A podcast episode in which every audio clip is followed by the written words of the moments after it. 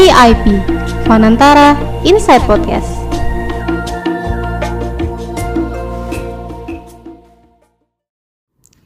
Hai VIPers, welcome back to another episode of Fanantara Inside Podcast.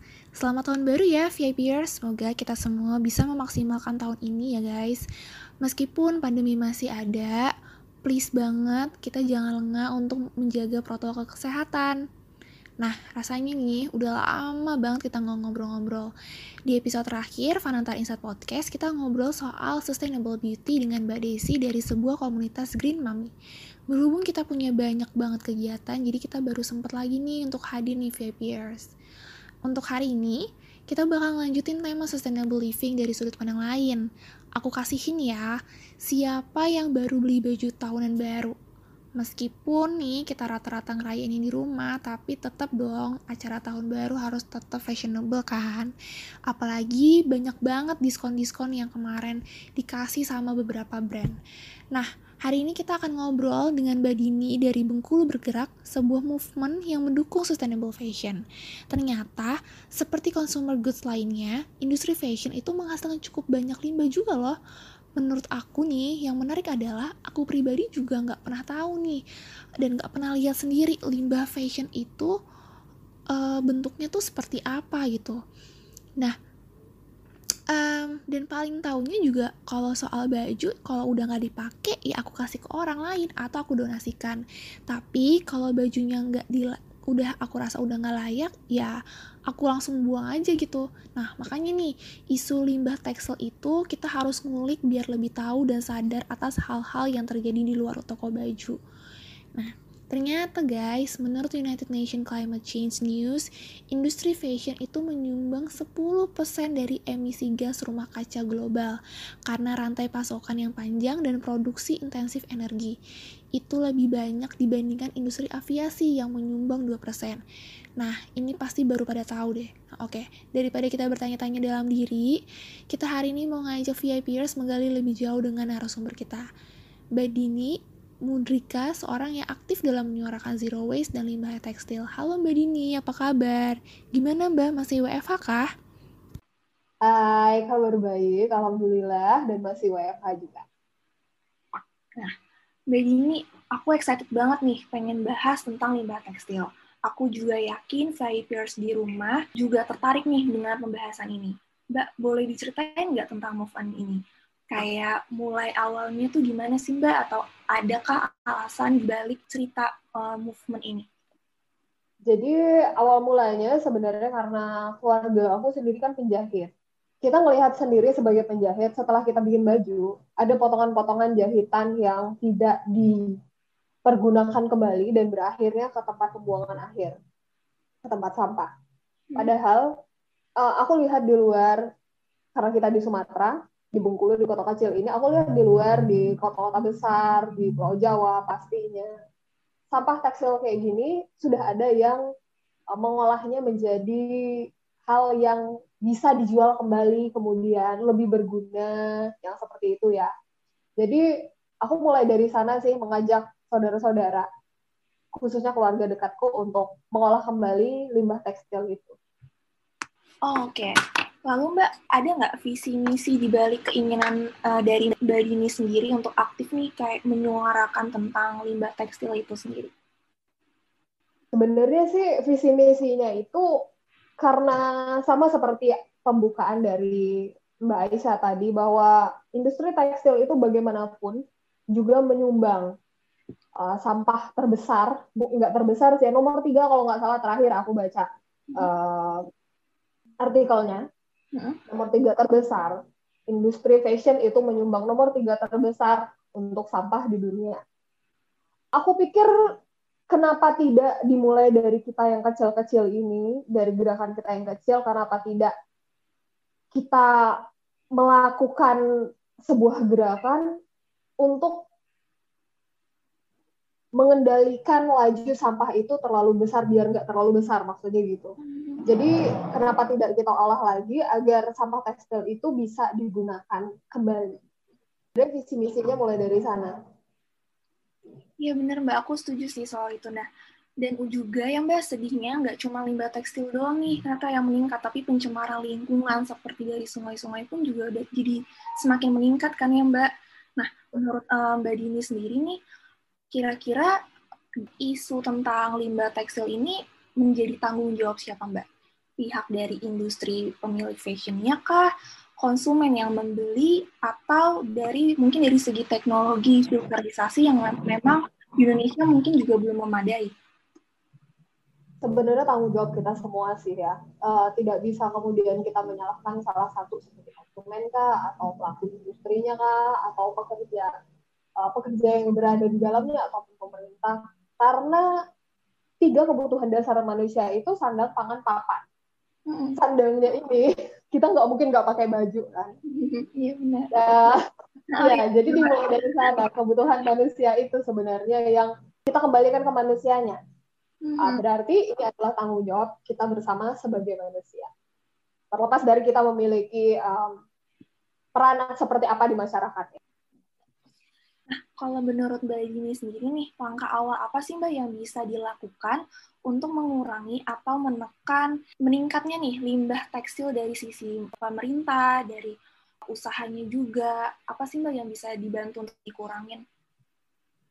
sebenarnya kalau kita lihat dari sisi pemerintah sih pemerintah kita sudah ada menjalankan sih sebenarnya beberapa program seperti itu di tahun 2006 atau 2005 kalau nggak salah itu adalah hari pertama ketika pemerintah mencanangkan hari sampah nasional atau hari peduli sampah nasional begitu ya kalau nggak salah 21 Februari setiap 21 Februari kita menyelenggarakan memperingati hari sampah nasional jadi aku pikir sih pemerintah sudah memulai itu dari lama. Cuma gaungnya memang harusnya sih lebih besar. Kita lihat sendiri kalau perkembangannya sekarang uh, orang-orang cenderung kembali ke sosial media. Orang-orang yeah. apalagi generasi milenial dan di bawah milenial ya, generasi Gen Z dan sebagainya itu ada-ada itu. Mereka menguasai uh, komunikasi di antara sama mereka dan juga uh, mempengaruhi uh, kondisi sosial itu sendiri dengan komunikasi yang mereka miliki sekarang dari sosial media yang enggak cuma Instagram sekarang udah ada TikTok dan sebagainya. Uh, aku pikir pemerintah bisa sih sebenarnya menggalang bukan menggalang ya merangkul dari milenial sampai generasi adik-adik itu untuk sama-sama menjadikan sebuah gerakan peduli lingkungan ini, peduli sampah ini, hmm. untuk menjadi lebih besar daripada yang sekarang. Jadi kompleks kan ya, bukan cuma pemerintah, tapi juga seluruh generasi sampai yang paling kecil itu sebenarnya bisa dirangkul. Tentunya dengan peran pemerintah duluan. Bener Mbak, aku setuju banget nih, karena banyak banget juga kan anak muda zaman sekarang pasti lebih cenderung kalau ngeliat campaign-campaign atau menyuarakan sesuatu tuh pasti lewat sosial media. Jadi penting banget sih Mbak untuk menyuarakan itu lewat uh, memanfaatkannya dengan menggunakan sosial media. Iya benar, benar banget. Memang sudah masanya sepertinya untuk kita menggaungkan banyak hal termasuk hal-hal yang istilahnya idealis ini ya. Mm-hmm. Untuk menjadi fit dan besar dimulai dari uh, sosial media. Challenge-challenge seperti itu kan challenge yang sebenarnya uh, aku bilang tidak penting juga enggak. Cuma hal tersebut bisa menjangkau dari mulai orang yang uh, ada di kota sampai yang di desa itu kan ya, uh, mereka bisa paham dan mereka bisa uh, tahu. Padahal cuma challenge yang ada di TikTok yang kayak gitu kan ya. Iya, iya benar benar benar. Oke, nah Mbak, kita kan juga tahu nih bahwa kita tuh nggak bisa kan uh, pasti memberhentikan laju perkembangan fashion dan juga tren mode. Apalagi kalau kita ikut nih season di luar negeri gitu kan, ada koleksi summer, winter, spring, fall. Nah itu kan kayak misal satu brand mengeluarkan uh, kayak empat koleksi gitu. Nah berarti kan limbahnya itu pun juga pasti jadi nggak sedikit gitu kan. Dan kalau di Indonesia sendiri sebagai contohnya menurut tirto.id, jika ada perayaan lebaran aja, sudah menyumbang 61% konsumen Indonesia itu pasti selalu uh, membeli baju lebaran. Dan itu pasti juga akan meningkatkan uh, jumlah limbah tekstil yang akan dihasilkan juga kan, Mbak? Nah, ini iya, tuh betul. kayak seperti sebuah tradisi atau habit lah intinya oleh kita setiap ada perayaan pasti ya uh, beli baju baru gitu. Lalu apa nih Mbak yang bisa kita lakukan? Mungkin ada hal nggak yang bisa mungkin menjadi pertimbangan nih bagi masyarakat atau konsumen ketika membeli suatu produk fashion? Atau apa sih yang apa nih yang bisa uh, menurut Mbak Dini untuk mengubah mindset kita sebelum kita beli suatu produk fashion gitu? Sebenarnya aku kalau untuk produk sendiri, saran aku satu itu produk harus bisa sehat untuk diri kita sendiri dan sehat untuk lingkungan. Maksudnya sehat ini sendiri, produk itu memiliki kualitas yang bagus. Hmm. Ada banyak produk yang dijual dengan kualitas yang di bawah seharusnya ya. Yeah. Uh, produk-produk grosir seperti itu. Aku tidak menyalahkan adanya produk grosir karena bagaimanapun produk grosir memiliki pasar sendiri. Coba begini, ketika kita membeli barang yang berkualitas untuk diri kita sendiri dan untuk lingkungan, pastinya ketika barang itu berkualitas, dia akan memiliki masa uh, umur yang lebih panjang daripada uh, produk yang di bawah kualitasnya. Benar kan? Iya benar. Kalau kita bisa pakai barang itu lebih lama, berarti kita juga bisa mengurangi sampah itu dari diri kita pribadi. Okay. Nah, selain itu juga, kenapa mesti sehat buat lingkungan? Maksud aku gini, setiap barang yang dijual pasti ada packing hmm. packagingnya ini yang jadi juga pertimbangan kita. Apakah packagingnya ini bisa untuk kita olah kembali atau kita pakai kembali? Nah itu kan juga jadi pertimbangan juga sih sebenarnya. Aku pikir seharusnya begitu. Misalnya seperti produk pakaian. Sekarang sudah banyak uh, produk fashion ya bukan pakaian. Uh, sudah banyak yang membuat produk fashion itu packagingnya bukan plastik tapi uh, kertas kah, karton kah, seperti itu kan, atau kardus kah, itu kan lebih ramah lingkungan ya, aku pikir daripada plastik. Seperti itu contoh. Oke, berarti dari segi packaging, terus kalau menurut Mbak Dini, kalau dari segi bahan sendiri, adakah Mbak bahan yang mungkin bisa jadi pertimbangan nih sebelum beli, uh, mungkin udah harus mulai ngeliat nih, kira-kira bahan-bahan pakaian apa yang kira-kira ramah lingkungan, seperti itu? Sebenarnya bahan pakaian yang ramah lingkungan ini sendiri bisa kita lihat dari uh, jenisnya itu ada banyak sih ya. Bisa kita lihat dari bentuknya duluan. Sebenarnya dari bentuk aja kita udah tahu. Kita pegang, ini bahan dingin. Hmm. Dan juga biasanya bahan itu sendiri harganya memang sedikit pricey dari bahan yang ada. Hmm. Aku nggak bisa sebutin bahan ini jenisnya ini nih lebih bagus, bahan itu jenisnya lebih bagus. Karena bagaimanapun tiap orang itu punya pertimbangan ya untuk membeli bahannya. Uh, pertimbangan dari segi kesehatan karena ada beberapa orang yang alergi terhadap beberapa jenis uh, zat yang ada di dalam tekstil. Atau juga pertimbangannya adalah uh, occasion atau acara. Nah, jadi sebenarnya balik lagi ke kitanya kalau mau membeli barang, baju atau produk fashion, pegang dulu deh dan tahu dong harga yang seharusnya itu berapa dan bahan itu sendiri apakah dia berada di bawah atau di atas harga yang seharusnya. Benar-benar. Aku setuju sama Mbak karena pasti biasanya ketika kita udah fokusnya uh, untuk sustainable living, sustainable clothing, pasti banget harganya itu juga murah, relatifnya pasti mahal dibandingkan dengan fast fashion ya Mbak. Betul sekali. Kalau dari Mbak Nini sendiri nih, selama uh, aktif menyuarakan tentang uh, sustainable fashion dan juga uh, terkait isu limbah tekstil sendiri, apa aja sih Mbak kesulitan Mbak Dini ketika menyampaikan isu ini ke orang-orang? Kesulitannya adalah uh, gerakan sustainable living ini.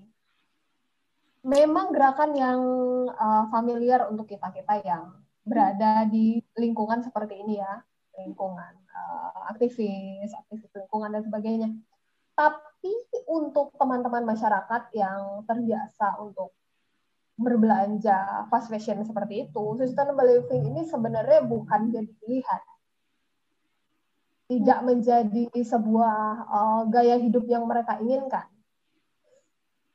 Itu sih kesulitannya mengubah mindset itu bagaimana kita bisa mencintai lingkungan bagaimana bisa untuk mengolah kembali atau memakai kembali atau menggunakannya untuk hal yang lain ya eh, barang-barang yang kita konsumsi. Hmm, Oke. Okay. Kalau dari menurut Mbak Dini sendiri, seberapa efektifkah kegiatan yang dilakukan uh, Mbak Dini ini dalam menyuarakan terkait sustainable living dan juga limbah limbah tekstil ini sendiri dengan menggunakan media seperti uh, Bengkulu Bergerak dan juga uh, Malna Indonesia yang dimiliki sama Mbak Dini sendiri dalam mengedukasi tentang sustainable fashion pastinya. Kalau untuk efektifnya, kalau lingkup yang kecil efektif ya. Kalau sekedar untuk lingkup aku dan klien, karena sebenarnya pemasaran dari uh, hasil pengolahan limbah tekstil ini kan kembali ke klienku yang memakai produksiku.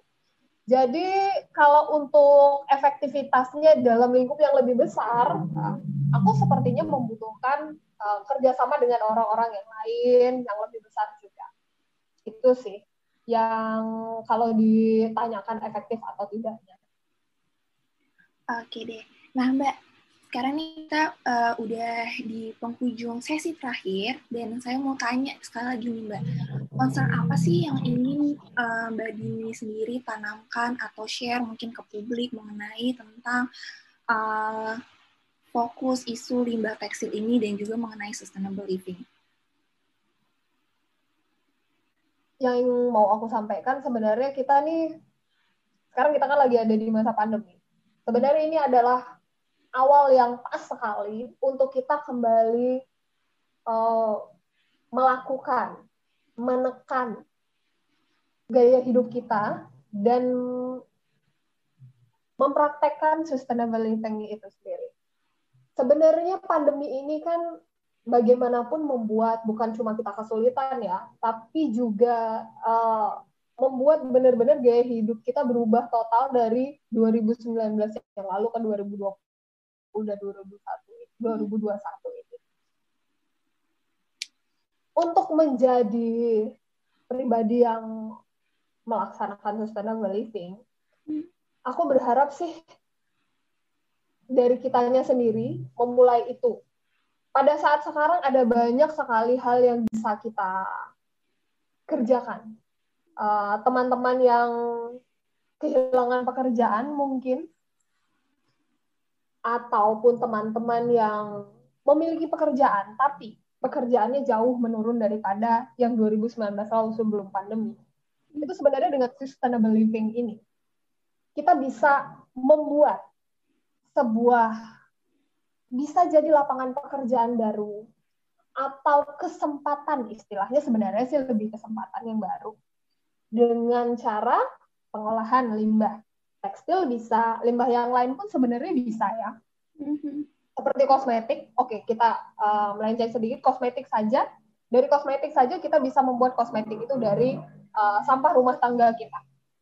Uh, dan untuk kembali lagi ke fashion, industri tekstil, kita bisa membuat, mungkin kita menjahit baju. Kita bisa membuat sisa jahitan kita untuk lainnya misalkan masker kah atau pouch kah yang kecil-kecil. Jadi ketika kita membuat barang-barang yang kecil-kecil ini, entah itu pouch, entah itu barang hal lain, bisa kita pergunakan dan kita tidak perlu membeli lagi uh, atau mengkonsumsi dari pihak lain karena kita sudah bisa memproduksinya sendiri. Dan ini sebenarnya aku pikir lebih sehat. Itu sih. Masa pandemi ini benar-benar masa yang pas sekali untuk kita melakukan hal-hal dimulai dari diri kita sendiri. Ya itu sih. Wah, jadi belajar banyak banget nih dari Mbak Dini. Uh, kalau gitu Mbak, terakhir lagi nih, ada kira-kira kalau dari uh, Mbak Dini sendiri nih, dan mungkin juga teman-teman dari Bengkulu Bergerak, ada nggak Mbak kira-kira mungkin next uh, project atau program apa mungkin yang yang akan dilakukan terkait mengkampanyekan sustainable fashion atau isu limbah tekstil ini, Mbak? Kalau untuk program sekarang sih aku masih konsentrasi untuk mengkampanyekan bagaimana kita membeli masker ya. Kalau sekarang sih pembuatan masker itu dari limbah plastik itu. Bagaimana kita membeli masker dari limbah, produksi dari limbah tekstil, tapi dengan membeli masker ini, uang kita, hasil pembelian masker ini, uh, tujuannya yaitu untuk donasi. Jadi, pengolahan limbah itu sendiri juga ternyata bisa untuk menyokong kegiatan uh, sosial yang lainnya. Itu sih yang sekarang dilakukan dan masih aku usahakan karena bagaimanapun aku juga nggak pintar-pintar amat ya masalah penjualan atau uh, kampanye seperti ini tapi aku berusaha biar ketika orang berpikir oh beli uh, souvenir kah dari Malaya Indonesia atau Bengkulu bergerak eh ternyata keuntungannya bisa buat kegiatan sosial yang lain loh jadi mereka memiliki dua manfaat sekaligus untuk melestarikan lingkungan mengurangi sampah ikut berperan mengurangi sampah dan juga ikut untuk menabung istilahnya. Ah, bagaimana biar Bengkulu bergerak dan teman-teman di Bengkulu bergerak juga masih tetap bisa uh, beraktivitas sosial sebagaimana uh, dicipta-ciptakan. Wah, semoga programnya berjalan lancar ya Mbak Dini. Amin, terima kasih banyak. Sama-sama Mbak Dini, oke. Mbak, boleh nih share lagi sekali lagi. boleh nggak sih Mbak kasih tahu VIPers di rumah nih tips and trick sebelum berbelanja untuk kaum milenial agar nih lebih concern terhadap sustainable fashion? Kalau untuk teman-teman, uh, masukan aku kalau mau belanja untuk teman-teman uh, muda, yang pasti satu, bukan hanya melihat produknya bagus di mata, tapi juga harus melihat apakah produk ini bisa didaur ulang atau tidak, apalagi industri fashion. Apakah bahan dari produk fashion yang bisa kita uh, beli, yang akan kita beli ini bisa terurai dengan baik atau tidak. Setelah nanti mungkin kita buang ya. Bagaimanapun baju nanti akhirnya akan kita buang dan menjadi sampah kan kalau setelah kita pakai. Nah itu itu hal yang pertama. Yang kedua adalah apakah desain baju ini bisa untuk kita pakai di acara apa saja? Apakah bisa um, dipadankan? Apakah bisa dipadankan dengan baju jenis apa saja di lemari kita yang sudah kita beli duluan? Itu sih. Jadi ketika kita membeli baju, pertimbangannya adalah desain ini nanti akan bisa dipakai dalam beragam occasion atau tidak. Kalau satu occasion aja sepertinya tidak begitu efektif ya. Jadi semakin banyak occasion yang bisa kita pakai untuk baju yang kita akan beli ini, berarti kita akan lebih efektif uh, mendapatkan baju yang lebih bermanfaat. Uh, kemudian selain faktor bisa terurai atau tidak, uh, desainnya bisa bermanfaat atau tidak, uh, satu lagi, sebenarnya desain ini sendiri juga uh, menjadi pertimbangan. Apakah baju ini nanti ketika kita beli bisa kita pakai uh, ini agak tricky ya karena tidak semua baju bisa dibeginikan. Apakah nanti bisa roknya menjadi dress atau dress menjadi rok yang seperti itu? Jadi desain yang bisa dipakai multifungsikah atau tidak? Itu kalau untuk istilahnya multifungsi ini sebenarnya sih sudah banyak yang menjalankannya. Misalnya ketika kita membeli sarung. Sekarang udah ada aja sih yang pakai sarung menjadi dress atau menyulap uh, kain selembar menjadi dress kah atau menjadi uh, cardigan kah atau sejenis shawl kah yang seperti itu.